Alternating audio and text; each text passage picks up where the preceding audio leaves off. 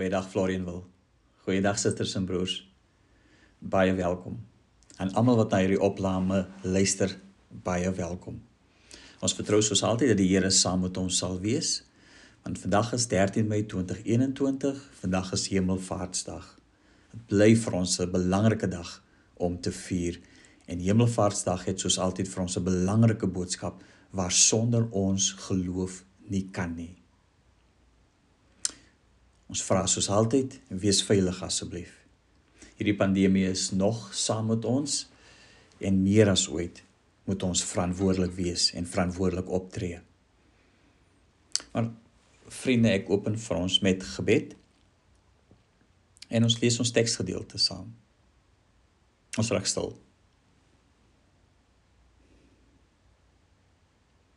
Liewe Heer, dankie vir 'n oomblik van stil raak. Dis vandag Hemelvaartdag. Help ons om te verstaan, Here, wat dit beteken. En help ons Here om 'n deel te maak van ons lewe en geloofslewe sodat ons Here beter vir U kan leef. En in hierdie wêreld Here vir U kan dien. Stuur die lig, Here, stuur die waarheid. Amen. Prinses genade en vrede vir julle. Ons teksgedeelte so op hierdie Hemelvaartsdag kom vanuit die boek Handelinge. Handelinge 1 van vers 9 en 11. Kort teksgedeelte wat vertel van Jesus Christus se hemelvaart. Die gedeelte lees. Vers 9. Nadat hy dit gesê het, is hy opgeneem terwyl hulle dit sien en 'n wolk het hom weggeneem sodat hulle hom nie langer kon sien nie. Terwyl hy weggaan en hulle nog stip na die hemel kyk, het daar skielik twee mans in wit klere by hulle gestaan. Die sê toe vir hulle: "Galileërs, waarom staan julle so na die hemel en kyk? Hierdie Jesus wat van julle af na die hemel toe opgeneem is, sal net so terugkom soos julle hom na die hemel toe sien opgaan het." Dis ons geteksgedeelte in die Nuwe Testament Ons Ou Testamentiese teksgedeelte is die eerste vers van Psalm 110. 'n Psalm van Dawid. Die Here het vir my Heer die koning gesê: Kom sit aan my regterhand en ek sal jou vyande aan jou onderwerp. Tot sover die woord van die Here.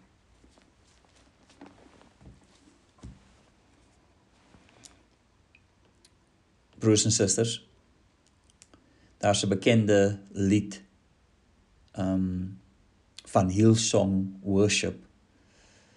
En is eintlik bekend en dit lees soos volg: Lord of all the earth and all of heaven, I come and seek your face, worship you with all I have within me, humbled by your grace.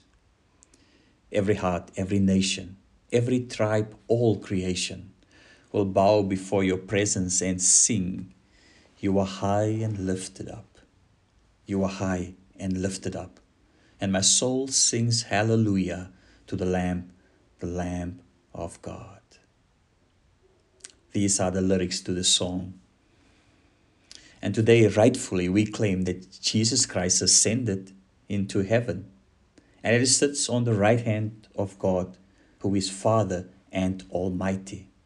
He is high and lifted up and rule as King over the entire universe. And on this day of ascension, we are asked to believe this that Jesus Christ is Lord. We are not Lord, Jesus is.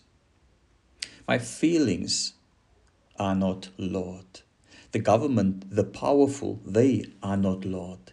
Jesus Christ is alone our Lord.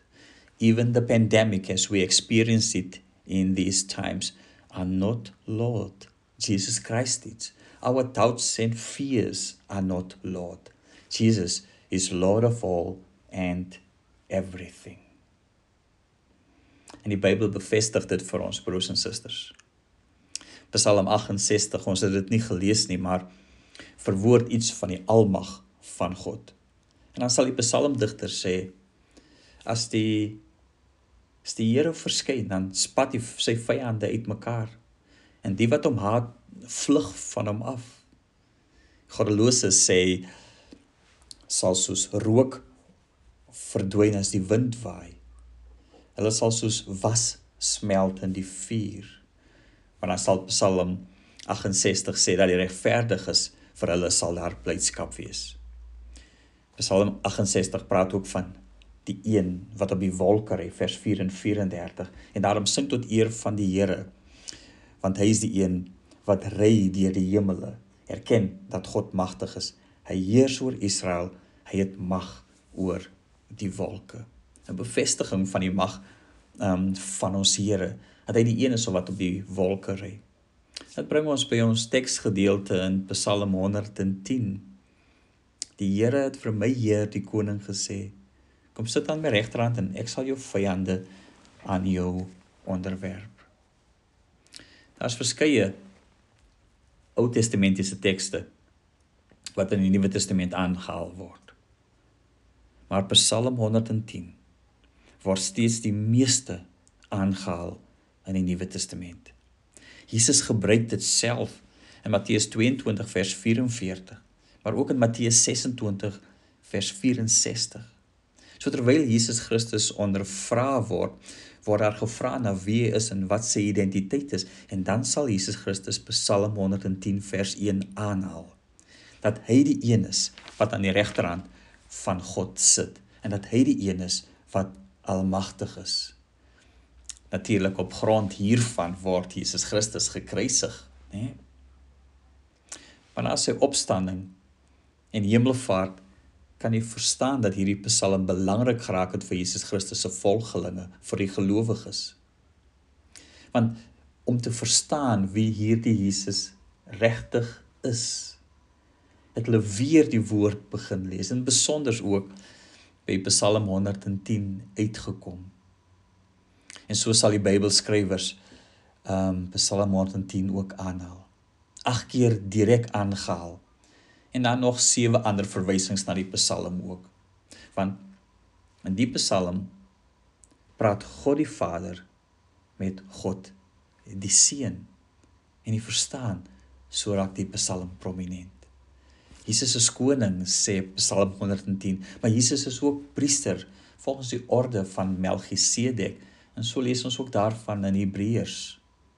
En daar's dus geen twyfel vir die psalmdigter en vir Israel nie hieroor nie. Jesus Christus is Heer. Maar dit beteken op sy beurt ook dat God regeer en altyd sal regeer, maar ook dat hy red. Handelinge 2 vers 32 tot 36 gebruik Paulus Psalm 110 as sy teks vir prediking op Pinksterdag.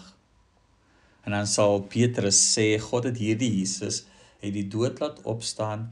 Hy is verhoog en hy sit aan die regterhand van God als op grond van Psalm 110. Vers 34 sal hy sê Dawid het nie na die hemel opgevaar en tog sê hy, tog sê Dawid Die Here het vir my Here gesê sit aan my regterhand totdat ek jou vyande aan jou onderwerp. En dan sê Petrus die hele Israel moet nou vas en seker weet God het hierdie Jesus wat julle gekruis het, gekruisig het, Here en Christus gemaak op daardie Pinksterdag met die aanhoring met die aanhoor van hierdie woorde in die preek van Petrus het daar omtrent meer as het daar omtrent 3000 mense bygekom deel geraak van die getal van gelowiges. Inderdaad Jesus Christus is Heer en Christus. Hy regeer en hy red. Jesus het die dood oorwin. Dit weet ons Ons bly dat hy ter helle neergedaal het. So selfs die hel kon Jesus Christus nie hou nie. Selfs daar het hy oorwin en nou sit hy aan die regterhand van God. Jesus Christ is Lord. And therefore, on this day, believe in him, put your trust in him and let him be Lord over your entire life. Keep nothing from him and hold nothing back because he is Lord. Die volgende verhaal word vertel van Karel Barth. Dit was 1946. Dit was pas na die Tweede Wêreldoorlog. En Karel Barth wat 'n bekende teologus, bekende dominees word genooi om in die Duitse stad Bonn uh te praat. En hierdie praatjies van hom het plaasgevind in die semi-ruïnes van die voorheen statige kasteel van die Keerfors. En hulle het elke oggend om 7uur begin voor die normale werks, werkersdag. En wat Karel Barth gedoen het was om te praat oor die apostoliese geloofsbelijdenis. En so het hy artikel na artikel vir hierdie belangstellendes uitgelê. Hy vertel Karl Bartus dat hulle later elke oggend eers 'n psalm gesing het om die mense bietjie op te beer. Dit was nodig sê, maar was moeilike, treurige en 'n pynlike tyd. Die hele land was in pyn na die Tweede Wêreldoorlog. Groot dele van die Europese vasteland was in pyn geweest die lewens van miljoene gesinne en mense was in pyn so mense se ideale en hulle drome dit was alles vernietig gewees alles is daarmee heen en alles wat die samelewing bymekaar gehou het was vernietig gewees so die mense voor Karel Baart was ernstige mense treurige mense mense wat van vooraf moes leer wat dit is om die lewe te geniet. En aan hulle verduidelik die apostoliese geloofsbelijdenis. En so op 'n stadium na die uiteensetting van die geloof in God die Vader en die geboorte, lyding en die sterwing van Jesus Christus, kom hy dan by die geloofsartikel dat Christus opgevaar het na die hemel en sit aan die regterhand van die Vader. Karl Barth sê dan dat die geloofsbelijdenis met hierdie woorde sy doel bereik het. Want hier in hierdie gedeelte praat dit skielik in die teenwoordige tyd, nie meer in die verlede tyd nie. Die geloofsblydenis sê dat Jesus Christus is gebore, het gelei, het gesterwe, is begrawe, het ter helle neergedaal, het op die derde dag opgestaan uit die dood, het opgevaar, alles verlede tyd. Maar skielik, hy sit aan die regterhand van God. Ons leef dus in die tyd waarin Jesus Christus nou sit aan die regterhand van God. En terwyl Barton en die mense wat na hom luister tussen die stootskrapers staan wat die rommel van die stad moet opruim, uh sit Jesus Christus aan die regterhand van God. So terwyl daar 'n klomp treurige en lydende mense luister na na hom en na die geloofsbelijdenis sit Jesus aan die regterhand van God. En dit sê Karl Barth is wat gelowiges in ons eie tyd ook moet leer. Dit is die eerste en die laaste sê wat saak maak in ons lewens en veral in hierdie tyd. En wat 'n voorspoed of teenspoed ons ook al mag tref, wat ook al na ons toe ons kant mag kom, wat ook al mag wees, een ding bly, Jesus sit aan die regterhand van God. En aan die gekruisigde en opgestane Here Jesus Christus behoort alle mag in die hemel en op aarde. Ek sluit af. In hierdie pandemie tyd wat vir ons 'n moeilike tyd is en baie duidelik is dat dit nog nie verby is nie.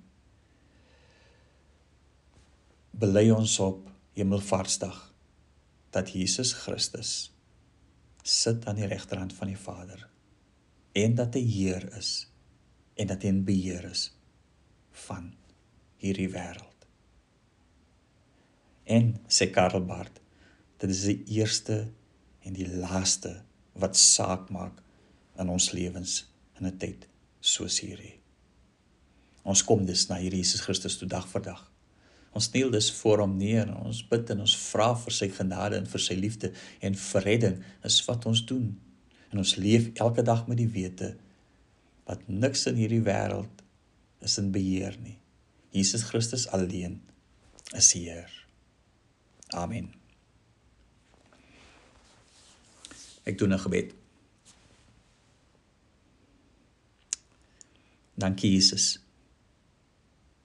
Dankie Vader. Dankie Heilige Gees. Dat op hierdie oomblik in ons lewens met ons eie persoonlike krisis. Maar ook so Here met die feit dat ons lewe midde 'n pandemie. Wil ons vandag bely, Here, en maak dit deel van ons hart en van ons geloof en ons lewe, Here, asseblief help ons daarmee. Bely ons, Here. U is Heer. U alleen is Heer. Help ons, Here, om van niets af, Here, met hierdie waarheid te leef. Dankie daarvoor, Vader. Ons is reg, Here, om U seën te ontvang en Here, asseblief spreek dit oor ons uit. En daarom mag die genade van ons Heer Jesus Christus en mag die liefde van God wie Vader is, mag die troos en bemoediging en die krag van die Heilige Gees met elkeen van ons wees. Amen. thank you